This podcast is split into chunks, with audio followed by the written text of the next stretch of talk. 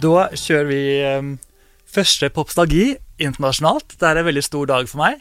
Jag har tagit med podcasten till det stora utlandet. Vi är nu i Sverige med en eh, uh, favoritt av meg. Så jeg er litt sånn, uh, eh, som jeg ofte er, litt starstruck. Litt nervøs, men jeg er veldig, veldig glad for å være her.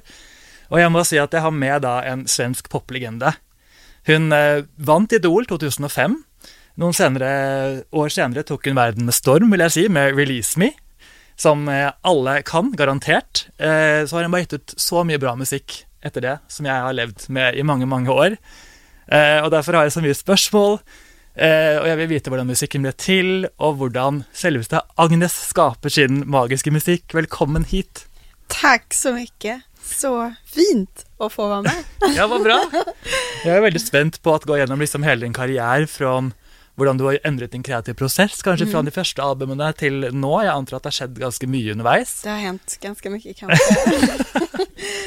For du, som jeg sa, så var jo på en måte din første offentlige breakthrough var jo Idol. Mm. Men innan det så hadde du drevet ganske mye med musikk på egen hånd, eller hur?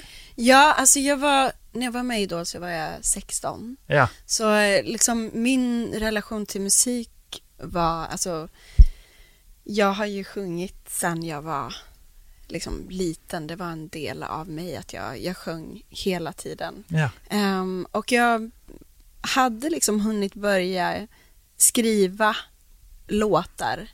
Um, inte att jag liksom hade något band eller så.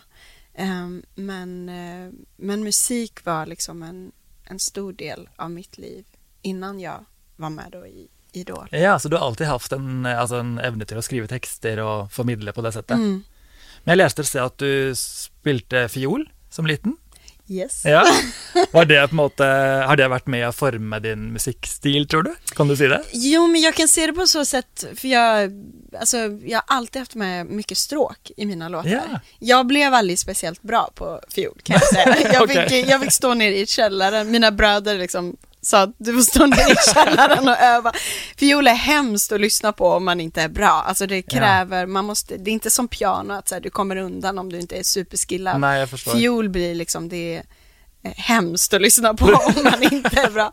Men jag har tagit med mig det på det sättet att eh, liksom stråk är ganska stor del, eh, ja men jag har nästan alltid med stråk i mina låtar. Ja. Och det tror jag kommer ifrån det. Och jag spelar liksom i orkester och sådär. Så jag har alltid tyckt att det är väldigt så här, mäktigt. Ja, det är exakt det ordet jag skulle bruka också. Ja. Det lägger till ett väldigt mäktigt element i musiken. Verkligen, och jag tycker också något som är intressant med stråk är just att alltså om man lyssnar på en ensam fiol eh, jag tycker man nästan kan likna den vid en röst, för mm. den har samma liksom, känslighet på något sätt. Den ja. kan bli lika skör eller lika så stor och mäktig. Ja. Så jag tycker typ att det är det instrumentet som är lik, liknar mest en röst. Ja, vad intressant. Ja. Det låter också som en typ fin metafor, en ensam fiol. Ja, en ensam fiol. Låt oss skriva en låt om det. Eh, ja, men okej, okay, det är spännande att veta liksom hur du kom in bara sån från början av. Ja. Och sen på din första audition sang du varje gång jag ser dig. Ja. Eh, vad, när du tänker tillbaka på det nu, är det liksom, har du typ blackout från audition, eller var du väldigt eh, självsäker och modig just då? Alltså hur var det liksom att vara med helt? Nej men alltså det, hela den processen var ju superspeciell och jag, alltså just den här första liksom fasen, jag, jag hade ju liksom, det var en kompis till mig som så här, hon bara, jag ska åka till Idol och söka. Och jag hade inte alls tänkt på det. Nej. Då hade Idol slått ner som en bomb året innan i Sverige. Så jag hade tittat på det och det var första ja. gången liksom Sverige hade tagit in en sån typ av grej. Det var ja. så nytt liksom. Ja, för du var med i säsong två, bara så folk vet. Ja, precis. Uh, och uh, ja, men så var det en kompis till mig som sa, ja, men om liksom nästa vecka, då ska jag åka, så här, kan inte du åka med mig? Så jag åkte i, i princip med en kompis.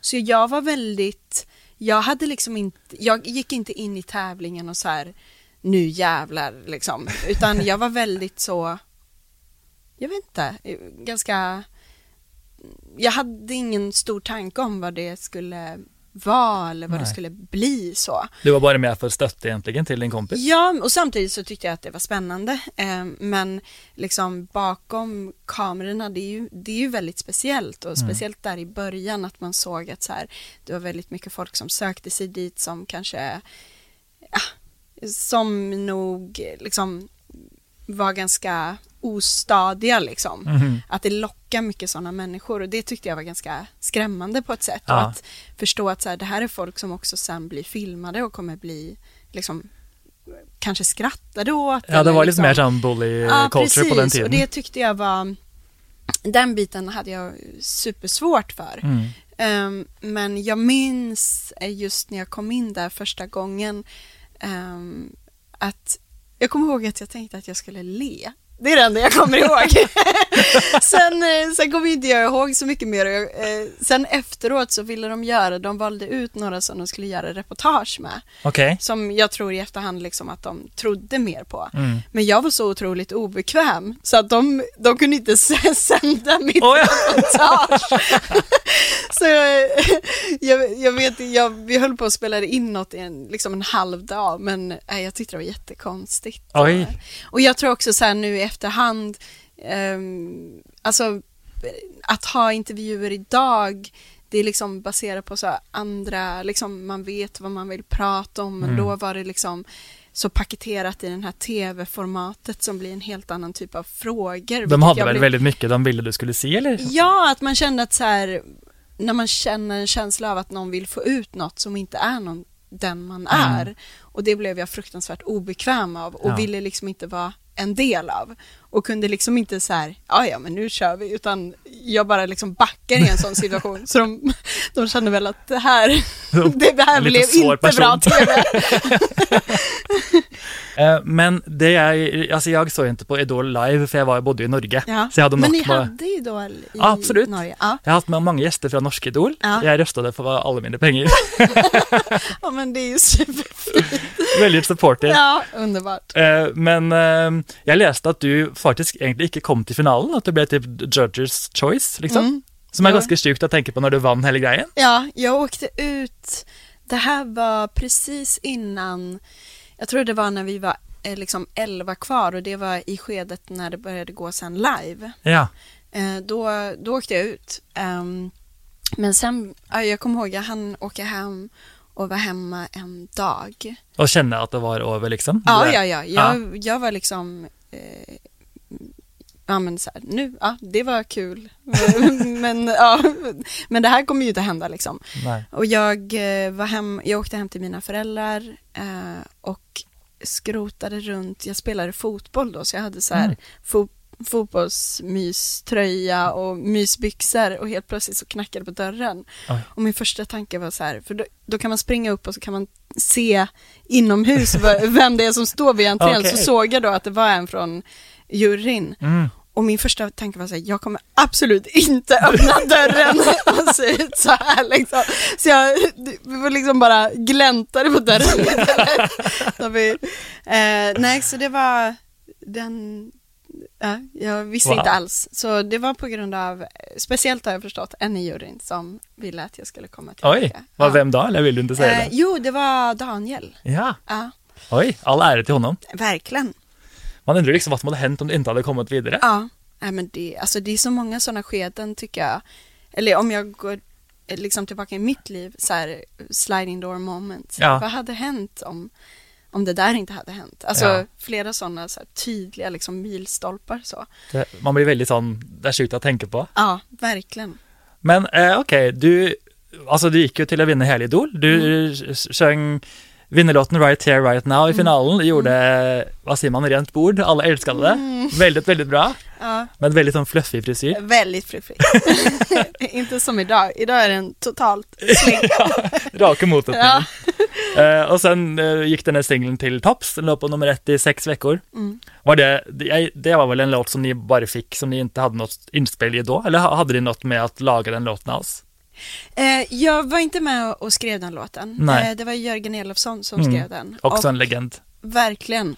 Och eh, jag har ju förstått i efterhand att han hejade på mig. Åh, vad bra! Så han lite tror jag skrev den låten med mig i, i det var därför den passade så bra. Ja, och jag, det, var sån, det var när vi var tre kvar i tävlingen som vi fick åka ut och lyssna på låten. Okej. Och han, em, då bodde han ute på Lidingö, det är en förort till Stockholm. Mm. Superfin.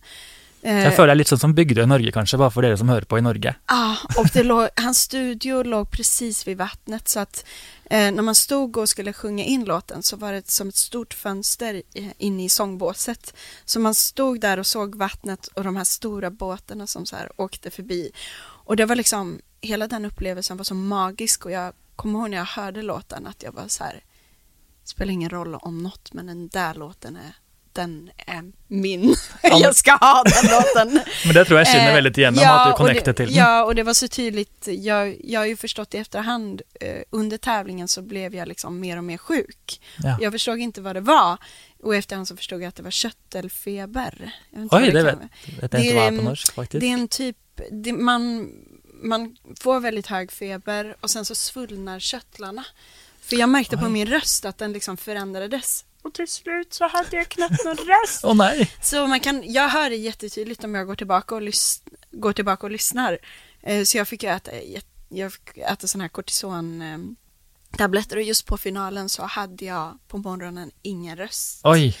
Så det var liksom riktig ångest eh, grej under tävlingen. att Jag kunde knappt sjunga liksom. Så att jag var ju i princip utslagen. Det er helt utrolig at du faktisk da Ja, kom och sen i mål. gick jag in då och sjöng den där låten och var så här Ingen jävel ska ta den här låten. Och jag tror att alla kände det, att så här, nej, men det, det är hon som ska Ja, men man Det ser är det på en- opptredenen din. At Ja, man men merker att det var liv och död moment liksom. Ja, det gir virkelig den låten en ny betydning for meg, at den er, kjennes liksom så viktig at den Ja. var med å forme hele Ja. veien, egentlig. Nej, men och det var, det var väldigt fint, alltså just att så här Eh, tävlingen är så, alltså det är ju så speciellt att så här, man, man kan inte jag tycker inte att man kan ju inte tävla i musik, att så här, det är så, ja, det, den grejen är väldigt speciell och att det var mycket som jag kunde tycka i de här momenten som var ganska läskiga och att så här, nu tror jag att de har ändrat det lite men på den tiden kunde juryn vara ganska hård och kunde säga saker som man i efterhand så här, men så det säger man inte till någon som Ja, är hadde, 16 år liksom. hadde ni også alltid typ en elak dommere? Ja, och ibland var det väl flera som Ja. var, var det liksom. Ehm, så att det var mycket i det där som jag tyckte var ganska så här obehagligt på Mm. ett sätt. Och då var det så fint liksom att kunna så här eh, med den låten att så här hela den där resan slutade med någonting väldigt så här vackert. Ja. Och att, eh, ja men, att det blev, det som kom ur det var den här låten och den blev då min då till slut. Det kjennes som en sånn riktig Disney-ballad. Verkligen, verkligen. Det er et kompliment. Ja. Eh, du ble jo signet til Sony Music, som ga ut denne singelen. Uh, sen slepte nye albumet Agnes, logisk nok, Mhm. eh, samme år. Det gikk jo ganske snapt alt sammen. Uh, Han du liksom hitte noen form for kreativitet i å gjøre den musikken du ville, eller var det mer sånn at du bare typ forsøkte henge med, liksom? Där var det bara att försöka hänga med. Jag Ja. spelade in första albumet på eh, sex dagar. Oi, och, gud det var, meg. ja, och det var liksom, så dagen efter, jag vann på en fredag och lördag morgon skulle jag börja spela in. Nei, du skojar, det jo helt och sjukt. samtidigt så hade jag då den här köttfebern, så jag gick runt med, jag var ju jättesjuk. Ja, alltså. ja.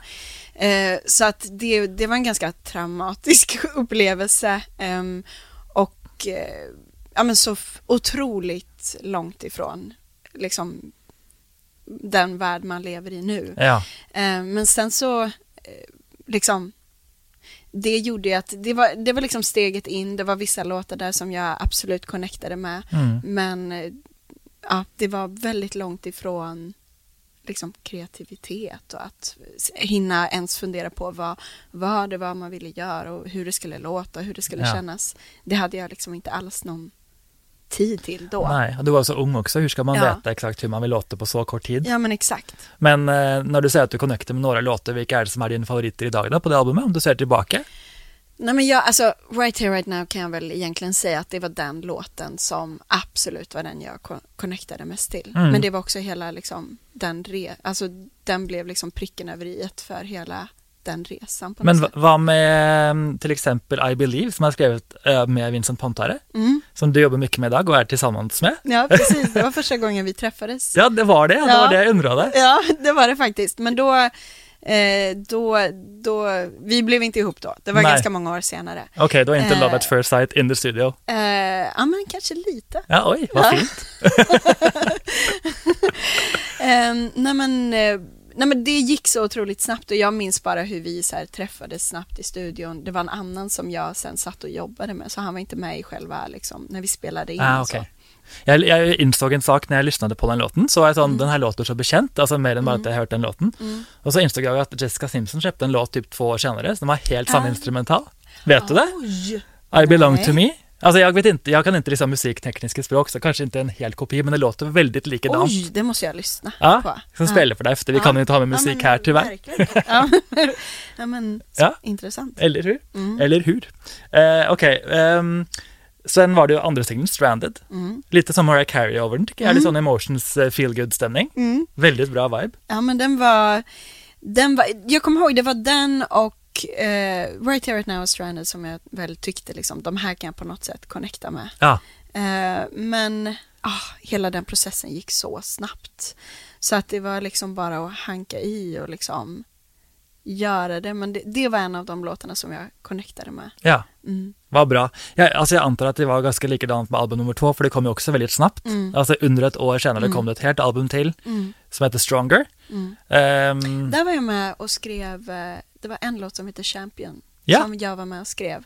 Eh, Så det var väl egentligen den första låten som jag eh, liksom var med och skrev på sådär. ja, det var det. Ja, jag hade liksom inte, eh, ja, så där fick jag väl så börja nosa på det så. Ja. Men hela den plattan gick väldigt snabbt också. Men var det för att du själv bad om att vara med involverad, eller var det liksom som de ville att du skulle vara det också? Hur? Nej, det hände ganska bara naturligt så. Ja. Det var inget som så diskuterades utan det bara, Vad det händer om du Ja. har något att bidra med liksom. Så. Ja. Ja, jag fattar.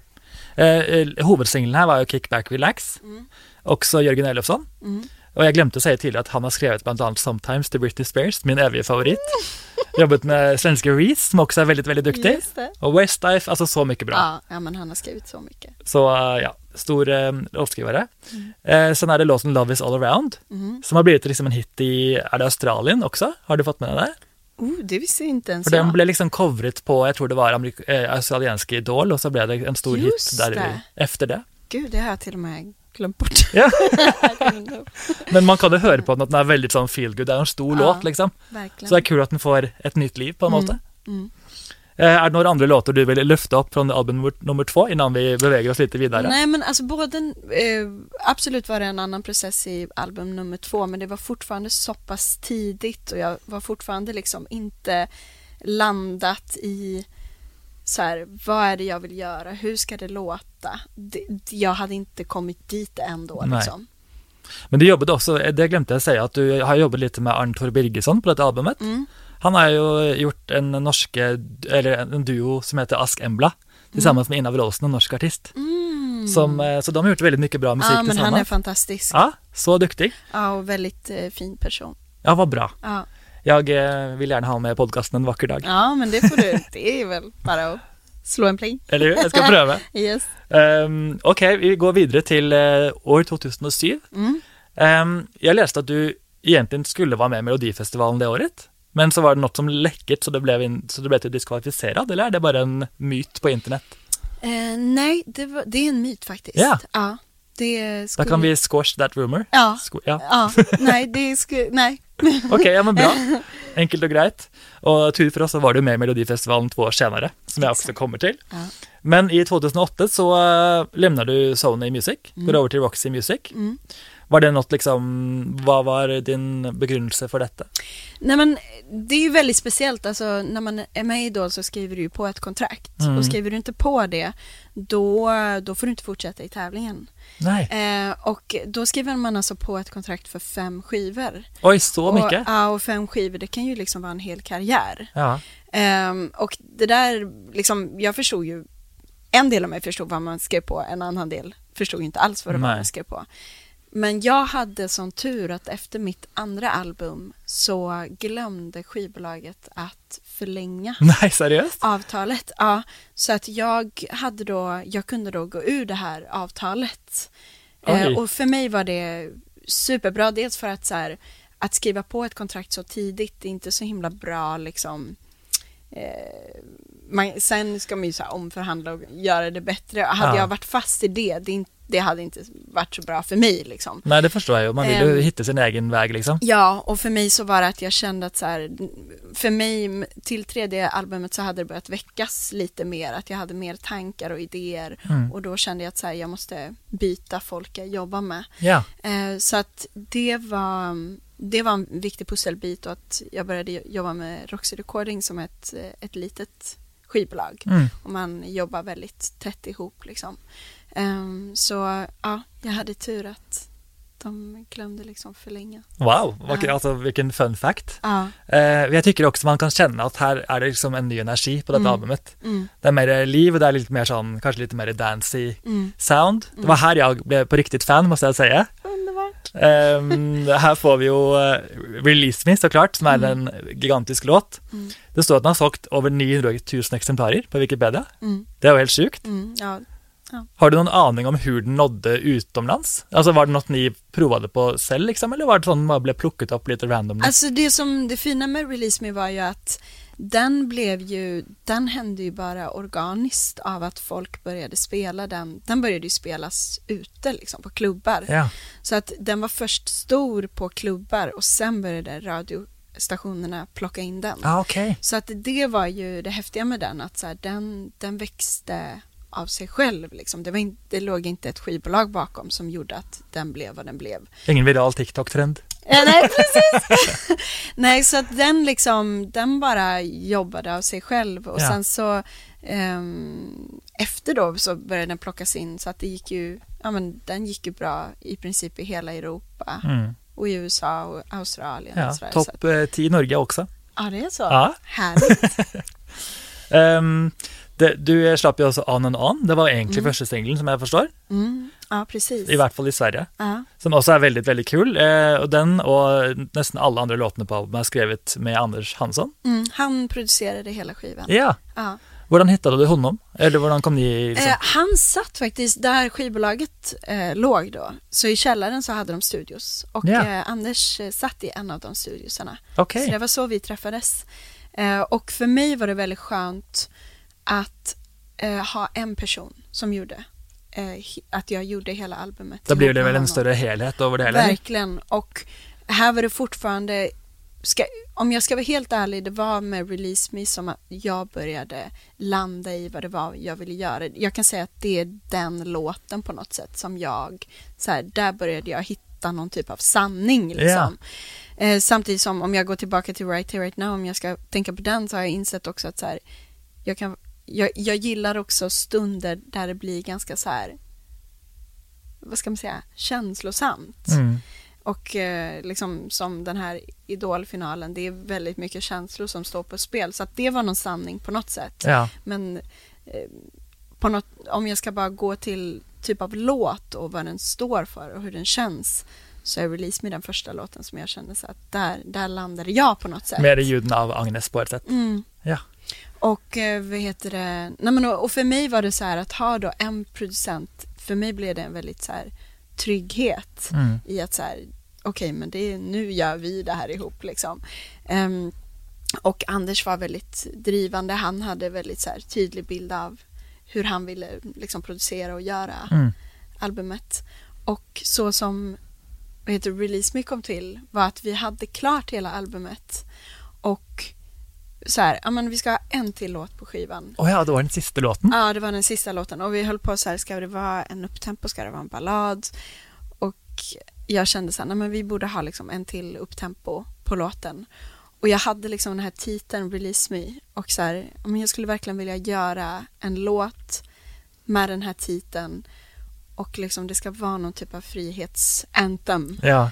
Ehm, så han började liksom göra något track och så kom jag någon dag senare och så började jag bara liksom sjunga in verserna som var lite inspirerade av Ain't no mountain high, Oj. ain't no valley low, ain't no river wide enough baby. Så, Åh, det hör man ju vilken Man fin röst du har också. jag blir helt rörd när jag hör det. nej, men så, och som det ofta är om man inspireras av något så blir det i slutändan någonting helt annat ändå. Men, så jag började sjunga in de där verserna och sen så började jag sjunga runt på Release Me då, den liksom texten. Och jag började sjunga in liksom i huvudklang. Ja. Vilket jag inte, jag hade typ inte använt den delen av min röst förut. Oj, Så jag sa liksom till Anders, ja, men jag sjunger in, men sen ska jag ju sjunga in det på riktigt sen.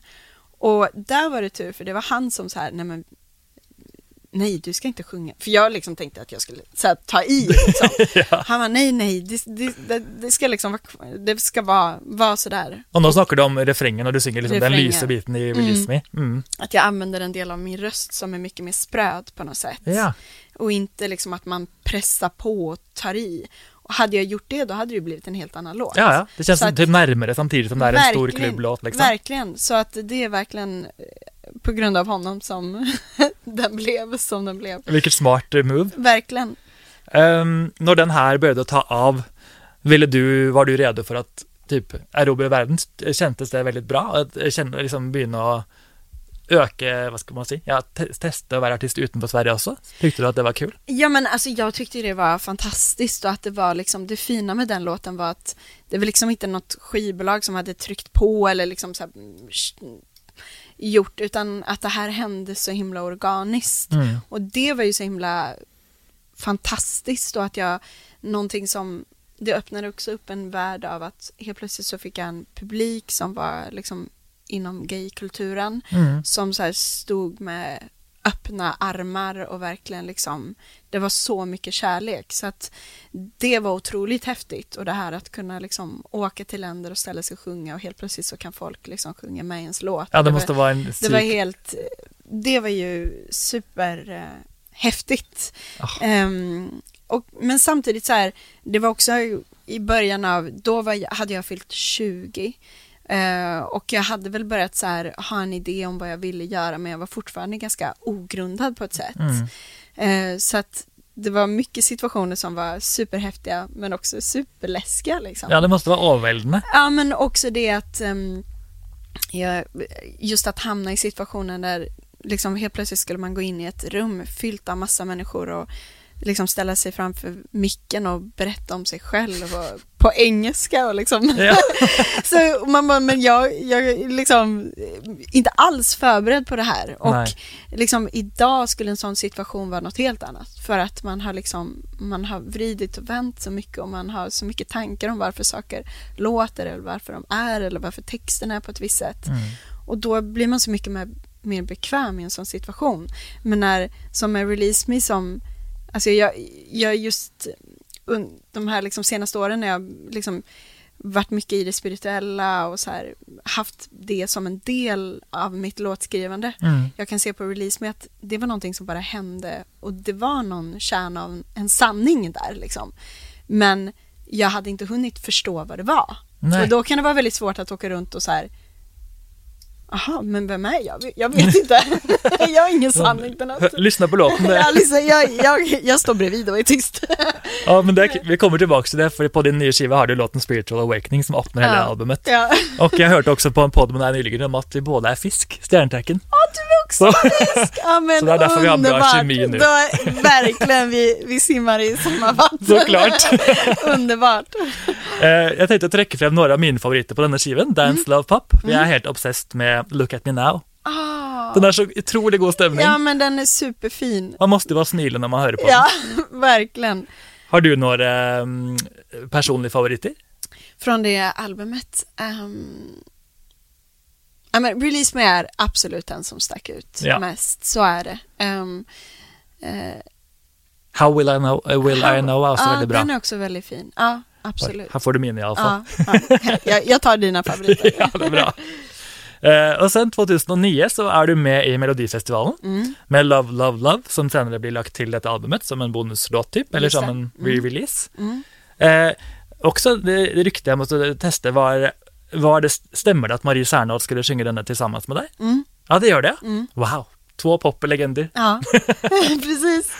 Men det blev där på egen hand och det, gjorde, alltså det blev ju så bra. Den låten Ja. också så feel good. Ja, nej men den är ju, den är ju verkligen mer feel good kan det nog inte bli. Nej, Nej men den, och den kändes så fin, jag kommer ihåg att jag ehm, för mig var det en liten process i så här, ska jag vara med i det här? För det är återigen då tillbaka till den här tävlingsgrejen som jag Ja. hade lite svårt att så här, relatera till där och liksom där och så här, hur ska jag förhålla mig till det? Ehm, men, eh, ja, men för mig, där fick jag också började leka med liksom det visuella.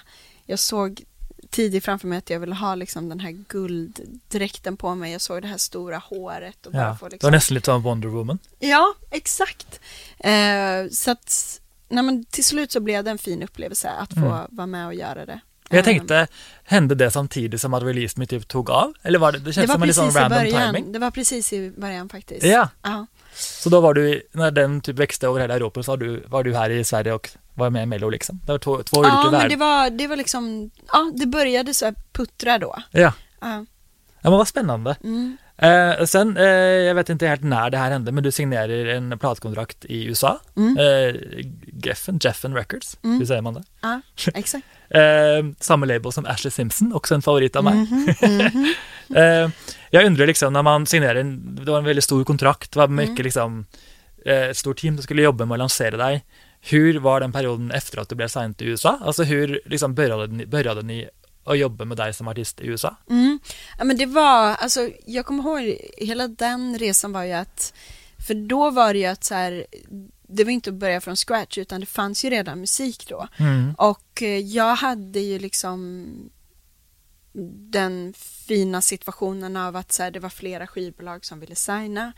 Eh, och ja, men vi valde till slut det skivbolaget som kändes som att så här, men de, här, de här förstår och liksom inne på rätt Mm. liksom, tanke om det. Ehm, och ehm, nej men det var, ja vad ska man säga, alltså det var ju väldigt, jag åkte ju runt jättemycket och gjorde mycket spelningar. Mm. Ehm, och ja, Var det, träffade du några roliga artister när du var på turné i USA och spelade, eller var, har du några liksom roliga minnen från den perioden? ja nej men jag, framför allt så, jag gjorde en spelning, en ganska stor spelning i Palm Springs. Ja. Och eh, vad heter det, innan jag skulle gå upp på scen så sa de så här, "Ah, men det är en, en kvinna som bara vill komma och hälsa, hälsa på dig. Hon har åkt från LA för att bara komma och säga hej. Oj. Och då var det Britney Spears. Nej, det skojar jag.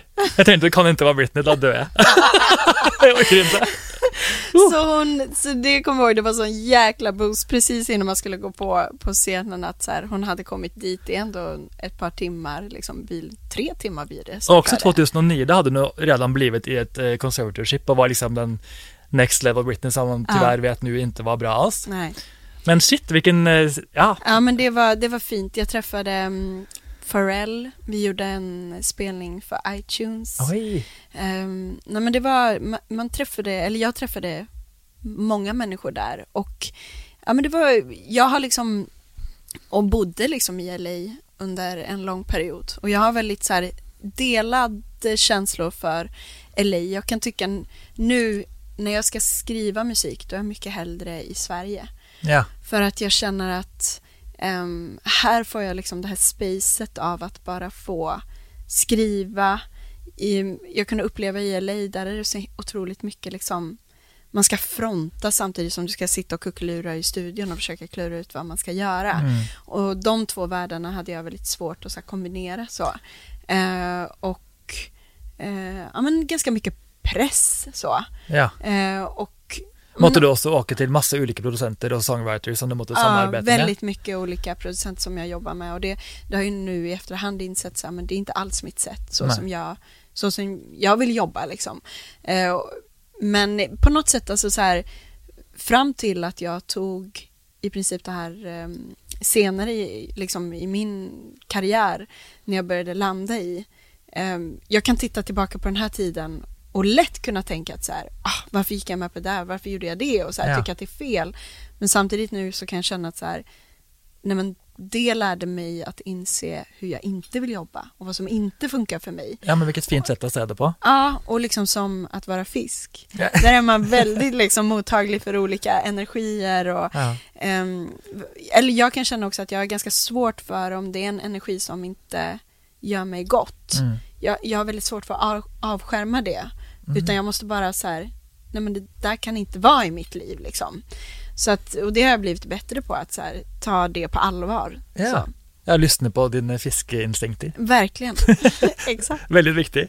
Eh, men eh, du släppte, släppte du någon ny musik liksom, i USA eller var det mer typ jobba med Release Me och de som var Mm, ute? och den, eh, de låtarna som var, Mm. ja. Fordi sen så det nästa jag har som din utgivelse var i 2011 som var Don't Go Breaking My Heart. Mm. Som jag undrar för den blev ju inte liksom det blev typ inte huvudsingel på Veritas. Nej, det var som en mellan, det var en mellansingel. Var den menad som det hela tiden? Alltså var, Ja, den var, den var inte ens med på albumet. ja, den är med i Frankrike, den Ja, franska den var utgåvan. med i franska. Mm. Ja, nej men det var, nej men den var, det var bestämt sen innan att så här, det här är en, ett mellan, Ja. en mellanlåt eller vad man ska säga. Den är väldigt mäktig, den är en evig låt på min joggelista. ja, Underbart. så bra. Ehm, så kom ju då albumet Veritas i 2012. Eh, så starkt album. Tack. Eh, jag har också googlat nyligen vad Veritas betyder. sanning, eller Så det är ju en väldigt fin statement att här kommer my truth, typ, Mm. när du har hittat liksom din sound och grejer. Ehm, första singeln, One Last Time, Mm. hur blev den till? Den, då träffade jag en producent som heter Jonas Kvant Mm. som eh, jag gjorde, inte alla låtar på skivan men många av låtarna och egentligen Ja. de som jag kan i efterhand känna att så här, var, var de som jag connectar mest med. Ja, Eh, och han, nej men vi bara klickade och One Less Time, om jag inte minns fel så var det den första låten vi gjorde ihop. ja det var det. Ja, och jag eh, hörde om honom för att jag var helt besatt av ett brittiskt band som heter Hurts. Ja, ja, ja, han har Ah. jobbat med dem. Ja, och jag var liksom, jag älskade hela deras sound och hur allting lät. Så jag var Mm. liksom så här, hela den världen. Och, och så fick jag reda då på att Jonas eh, hade jobbat med dem och Mm. skrivit mycket med dem. Så då började vi jobba och det, liksom, hela den ljudbilden är, det var någon så här nästan 80-talsflört på det och ganska så här luftig ljudbild. Speciellt på One Last Time. Ja, för på li- resten av albumet så är det lite liksom mörkare, typ lite Mm. tyngre Mm. elektrosound, typ. Mm, exakt. Som Och det kanske är, lite ganska- den Hertz-viben också. Ja, exakt. Eh, och du, One Last Time skrev du också med Anna Diaz, exakt. som också har jobbat med Britney. Jag kommer dra in Britney överallt. Precis, Ja. Eh, och, eh, och så är det ju, um, um, jo, All I Want Is You, Ja. singel nummer två, också Exakt. så mäktig låt. Mm. Eh, som jag såg att hade premiär på Perez Hiltons blogg, kommer du ihåg det? Mm, ja, precis. Han var ju väldigt supportive.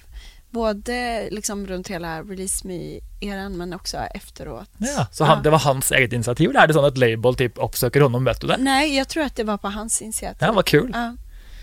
Ehm, den eh, gör du också en otroligt liksom, mäktig uppträdande av på Friends Arena, öppningen. Då, alltså, det, jag kommer ihåg att jag såg den hemma och blev helt sån, Är jag det satt och måpte. sant?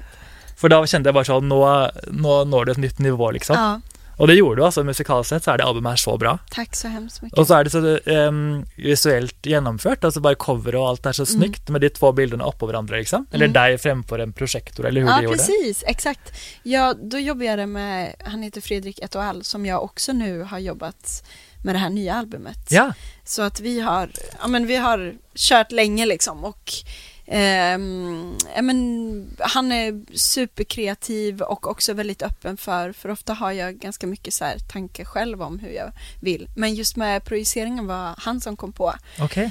Eh, så ja, Ett väldigt kreativt sätt att eh, förmedla dig på två olika måter. verkligen.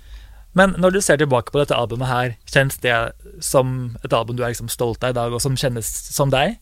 Ja, men jag är superstolt över det albumet och där kände jag som liksom den här resan började. Eh, jag kan känna att så här, eh, den landade på många sätt verkligen och jag kände att jag fick så här spelrum att testa saker. Mm. Eh, sen kan väl i efterhand så här, varje låt kanske inte blev exakt som jag, om jag liksom, alla låtar blev inte exakt som jag kanske ville i slutändan. Nej. Men eh, jag känner att jag hittade någon, verkligen någon typ av sanning där och just att kunna så här, börja fundera på vad för typ av produktioner, vilken känsla vill jag ha och då kunna hitta Jonas vid det tillfället Ja. där vi klickade.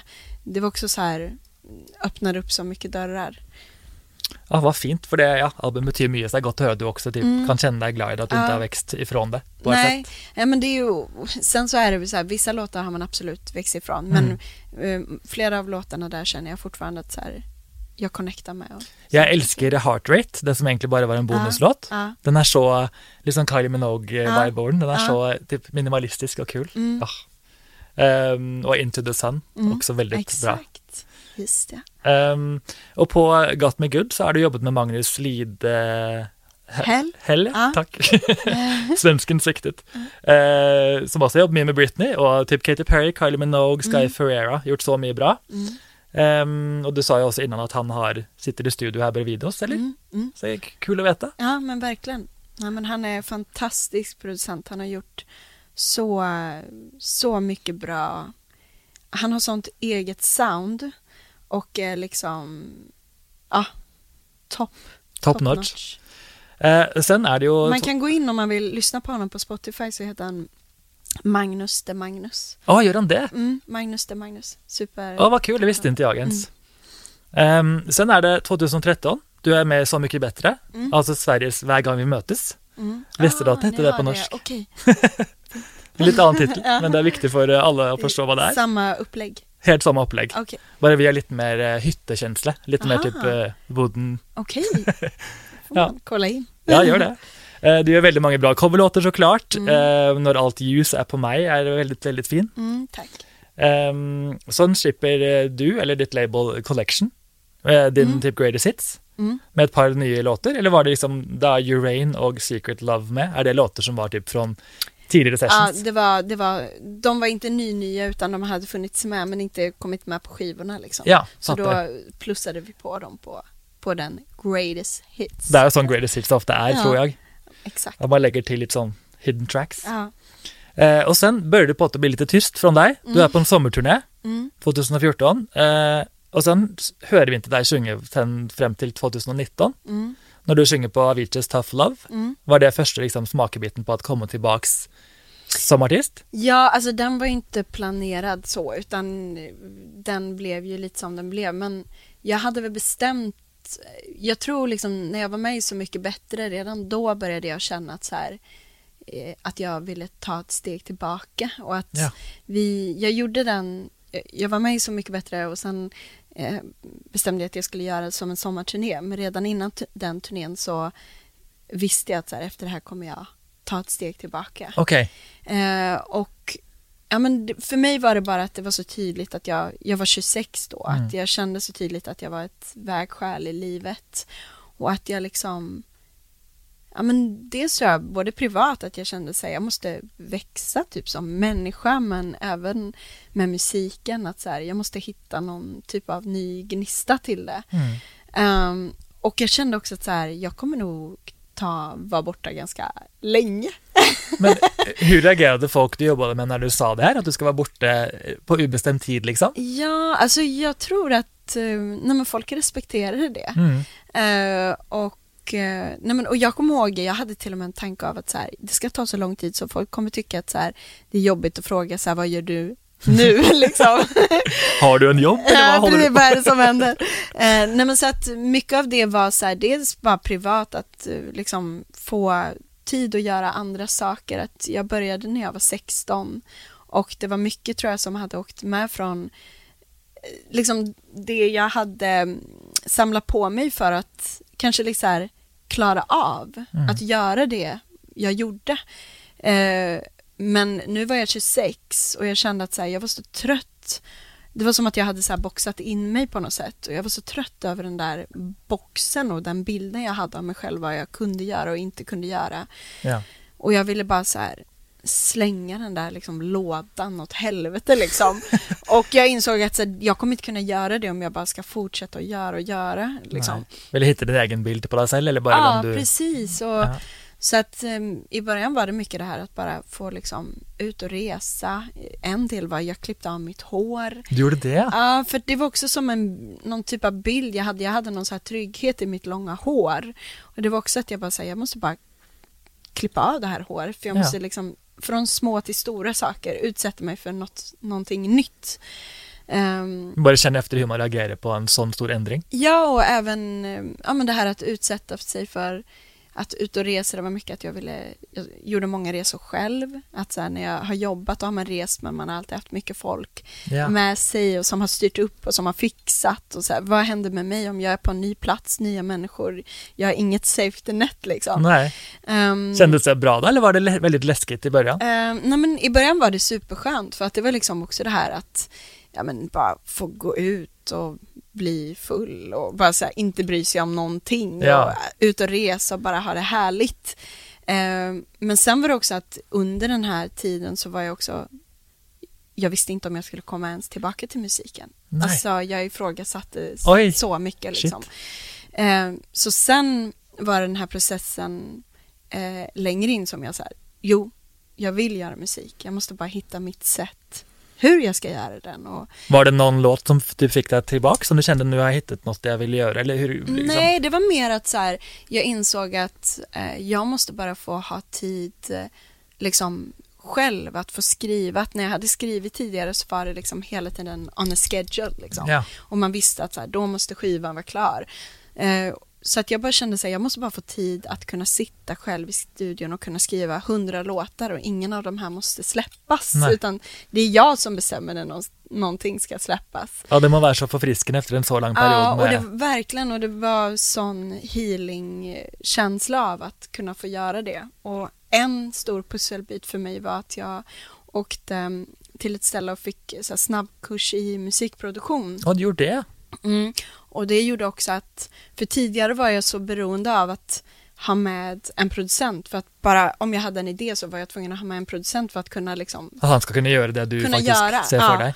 Och nu var det liksom första gången jag kunde så här, jag behöver inte, jag är inte beroende av någon annan utan jag kan sitta själv och bara liksom skapa. Så att det var, wow. det var en ganska lång process och vissa, vissa perioder var det superläskigt för att när jag inte visste, när jag inte hade någon tydlig vision om vad det var jag ville göra men att fortsätta våga vara kvar i det och bara fortsätta göra och lita på att någon dag kommer det falla mm. på plats. Och där hade jag också så här fantastiska människor runt omkring mig, speciellt en person som bara så här, ibland behöver man bara så här, bara tid för att saker ska landa och jag är så sjukt glad för det nu i efterhand. Mm. Att så här, det är så lätt, vi lever liksom i en värld där saker ska gå så sjukt snabbt och man ska veta på studs vad man vill och vad man inte vill. Ja. Eh, och nu i efterhand så är jag så otroligt glad för att jag fick den här tiden.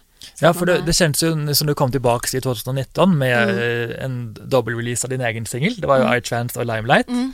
Och sen släppte du ett album i år. Mm. Då känner man liksom att det är en komplett packe. Det mm. verkar som det är så otroligt genomtänkt mm. och som jag sa till oss, det visuella och mm. sound, allt är så väldigt liksom hänger samman då. Mm. Så man märker att du har spenderat mycket tid på att hitta liksom en röd tråd, ett ja. eget univers. Ja men och det var verkligen en, en känsla jag hade att så här, jag vill inte tillbaka till en värld där allting handlade om en senaste singel utan jag ville så här, jag verkligen såg det som att här, jag vill skapa en hel värld runt mm. det här och att lite mer så här bjuda in folk. Om folk vill komma och vara en del av, de här av den här världen så står jag där liksom öppen dörr. ja, vad fint. Nej, men och sen var det också just om man går till iTrans och Limelight. Ja, för det var på något första, din, din första release ja. eh, som artist då, ja. efter så många år. Precis, och det var också ganska så här, okej, okay, hur ska jag komma tillbaka när jag har varit borta så här länge och då var det så här, det sista jag ville var att liksom, tidigare när jag hade släppt musik då var det som att jag alltid ställ, ställde mig liksom vid stora entrén och slog på den stora trumman och så här, här är jag liksom. ja. Och jag kände då att så här, jag vill göra raka motsatsen. Jag vill liksom komma till entrén och så går jag runt det här huset och så går jag liksom bak till källaren och ner för trappen och ner, ner i källaren och så börjar jag mitt lilla, liksom, min, min fest där nere. Och ja. för varje låt som släpps så tar man liksom steg upp. Lite mer organisk växt där på ett sätt. Ja, att så här, för varje låt som släpps så går man upp för trappan och sen så till jag nu har släppt skivan så känner jag att så här, det var då som jag liksom öppnade entrédörren, men då äger jag hela det här huset. Ja. Hade jag börjat att bara ställa mig där, då hade jag liksom inte ägt huset. Och, och det var en så bild jag hade när vi jobbade med det, men också som jag förmedlade till alla runt omkring mig. Att så här, här, de här två första låtarna kanske inte är självklara, Mm. men det är en viktig pusselbit för den här liksom, resan på något sätt. Ja, man, ja, man hører virkelig at du hadde en tydelig visjon der. Men var fint, Ja. jeg håper at, eller var fint at folk også typ, eh, trodde Förstod. på deg og forsto, ja, liksom. Ja, men verkligen. For det ledde, ledde jo til noe veldig fint. Um, og jeg kommer ihåg når jeg lyssnade på iTrans første gangen, så ble jeg Mm. typ lite sånn Vent, hva er dette for noe? For Ja. det kjennes liksom så ekstremt altså kult, på et sett. Ja, Det var så veldig sånn wow, nå har det blitt så mer klubbig. ja, Og sen var jo Limelight lite mer altså poppig klubb. exakt. Så det var en veldig fin mix, tycker jag. En Ja. sånn fin introduksjon. Ja, men den, båda de två låtarna började jag jobba med. Vi var en längre period i LA och jag, då hade jag precis varit iväg och lärt mig liksom grunderna till liksom kunna Produkt. producera Ja. lite själv.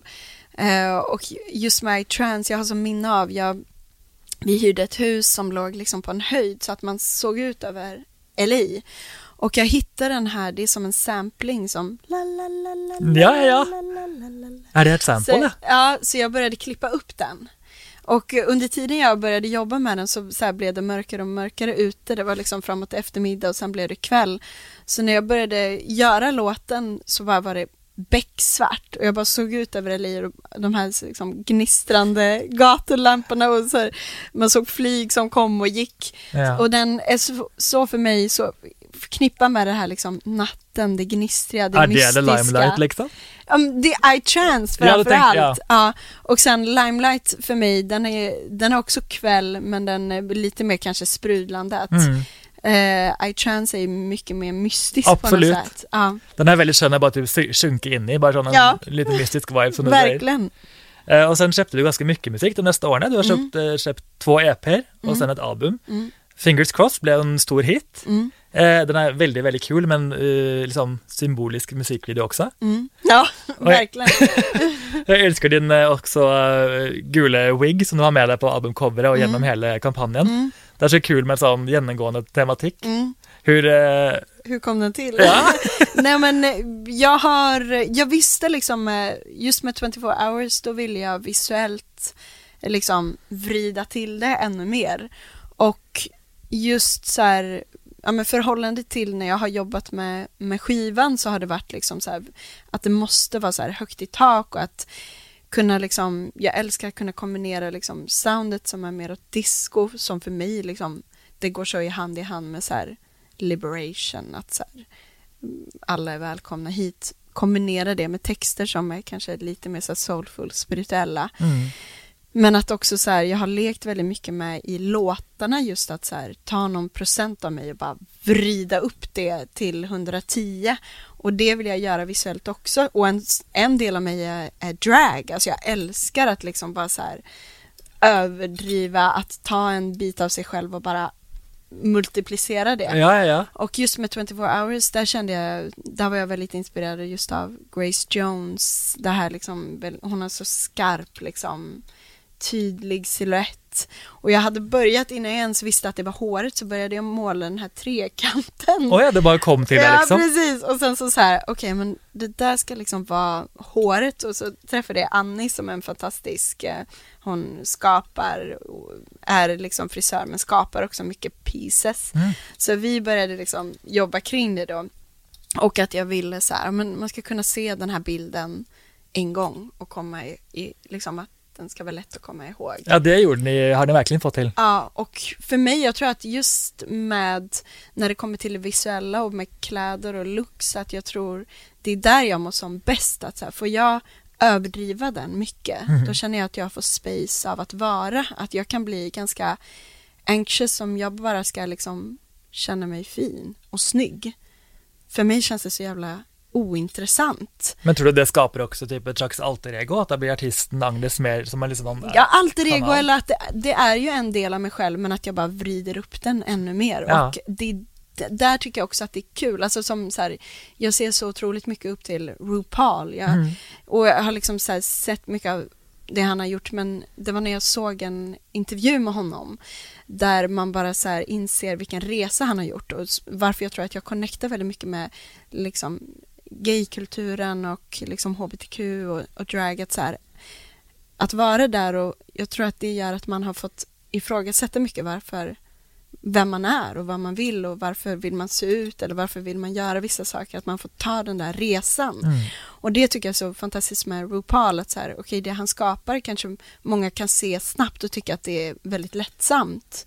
Men förstå så anledningen och hans resa han har gjort. Ja, har kämpat för det han är. Ja, det är så mycket liksom botten i det. Mm. Och det tycker jag är väldigt inspirerande och som jag tycker är kul då, att ta in i min musik, att jag ville göra låtar, jag vill inte bara stå så här prata om det jag har gjort och stå och gräva min egen grop. Att vissa, vissa grejer har varit jävligt jobbiga och det har varit mm. läskigt mm. liksom.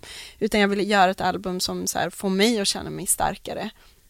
Och eh, gå ur det och känna att så här, man har fyllts upp av någonting. Och också så här, kunna leka med det. Och det också har varit så fantastiskt med de jag har jobbat med som har varit så otroligt öppna för det också. Att så här, det har varit så viktigt att ha personer som man jobbar med som vågar. För det är också, it's a risk. Så fort man börjar, liksom som den här peruken, så fort man börjar göra de grejerna, det kan liksom slå så hårt. Och det är som fingertoppkänsla om det blir slå rätt eller om det slår fel. Ja, så blir det när man testar något, ja, något nytt och annorlunda. Och där tycker jag att det är väldigt spännande att vara att så här, våga dra det liksom så långt. Ja, och det har verkligen gått bra. Så albumet mm. heter Magic Still Exists. Det vet mm. jag inte om jag ens sa, men uh, väldigt fin titel. Tack. Um, jag älskar också såklart Here Comes the Night. Mm. Den lilla ABBA, typ. Ja, ja, den där rund inre ja. refrängen så, vilket, ja, älskar det bara. Um, var den med helt från starten eller var det något ni la till mot slutet liksom? Kommer nej men den kom, den kom nog i mitten tror jag. Alltså, ja vi började skriva låten akustiskt med piano, Oj. Uh, piano och uh, typ trum. Alltså vi brukar ha ett trumset där. Ja. Uh, nu är det nerriggat men så det var liksom, jag satt med inte den här micken, men samma typ av mick. Ja, tänk att det är ett universum, du har lagat musiken, det är väldigt mycket som har tackla. och eh, ja, men med pianot och, och trummorna och sen efter steg två var liksom att producera upp det och i ja. samma steg då så kom den där. Oh, den lägger till något väldigt kul. Ja, Annars så är uh, Self-Made min favorit som jag nämnde för dig. Mm. Den är väldigt uh, alltså, fin, empowering och mm. väldigt liksom, ja, catchy, mm. icke minst. Um, har du någon, uh, när du hur var? Ja, eller vad, har du någon låt du tänker liksom att du är mest typ personligt knuten till på den skivan? Som är liksom mest liksom viktig för dig? Eller är det allt? Nej men det som har varit, alltså det som var så sjukt eh, tillfredsställande var verkligen att få göra hela skivan och att jag kan så gå tillbaka och se anteckningar som jag skrivit för två år sedan och så här, viktiga saker som jag har velat ha med. Mm. Att jag liksom kan se nu att jag fick med det och det, för mig var det viktigt liksom alla de här äh, mellanspåren som inte är några låtar utan interludes som äh, också var så otroligt viktiga. Allt ifrån det här spiritual awakening, första spåret.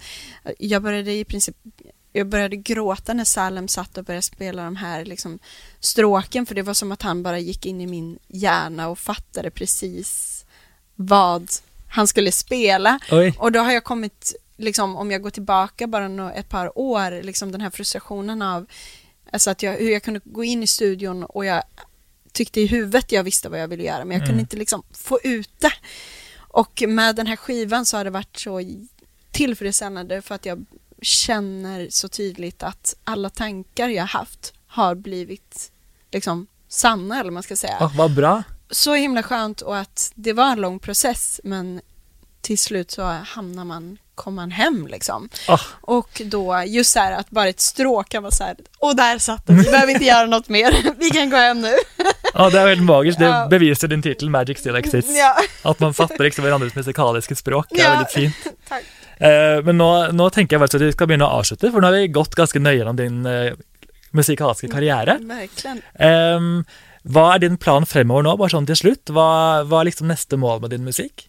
Nej, men jag känner att så här, det som, det som jag hittade när jag började jobba med den här skivan, det känner jag att så här, det är en plattform som jag kan typ bygga ifrån framåt. Alltså mm. att det, det, inte, det är inte någonting som är så här, aha det var bara för den här skivan, nu gör vi något helt annat. Men nu har du byggt huset du kan bygga på vidare. Exakt, jag bygger ett litet torn på det.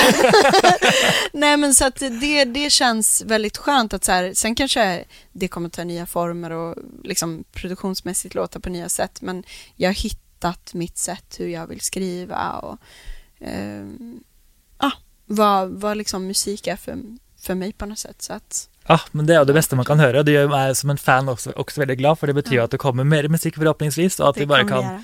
njuta din, ja, dig som artist framåt. Ja, ja men absolut. Um, då måste jag bara säga tack så mycket för att du ville vara med. Det var väldigt, väldigt stort för mig. Ja men tack själv, så himla fint att göra den här intervjun. Jag ska Det var bästa länge sedan det. man gick tillbaka också så långt. Ja, Du påminde mig om saker som ja jag... men vad bra. Det är Ja. alltid mitt mål. Ja. Eh, jag ska göra mitt bästa för att sprida denna musiken till alla i Norge, för Tack den är helt, eh, det förtjänar den verkligen. Tack. Och så hoppas jag att jag får se dig live på konsert snart. Yes. Takk for nå, og så får jeg bare si til alle dere som har hørt på, takk for at dere ville høre på oss. Ehm, så får dere gjerne gå inn og høre på alle de andre episodene av Popstagi når dere først er i gang. Der finnes det masse, masse gøy. Og gi meg gjerne fem stjerner da, når du først er i gang. Takk, takk, ha det bra.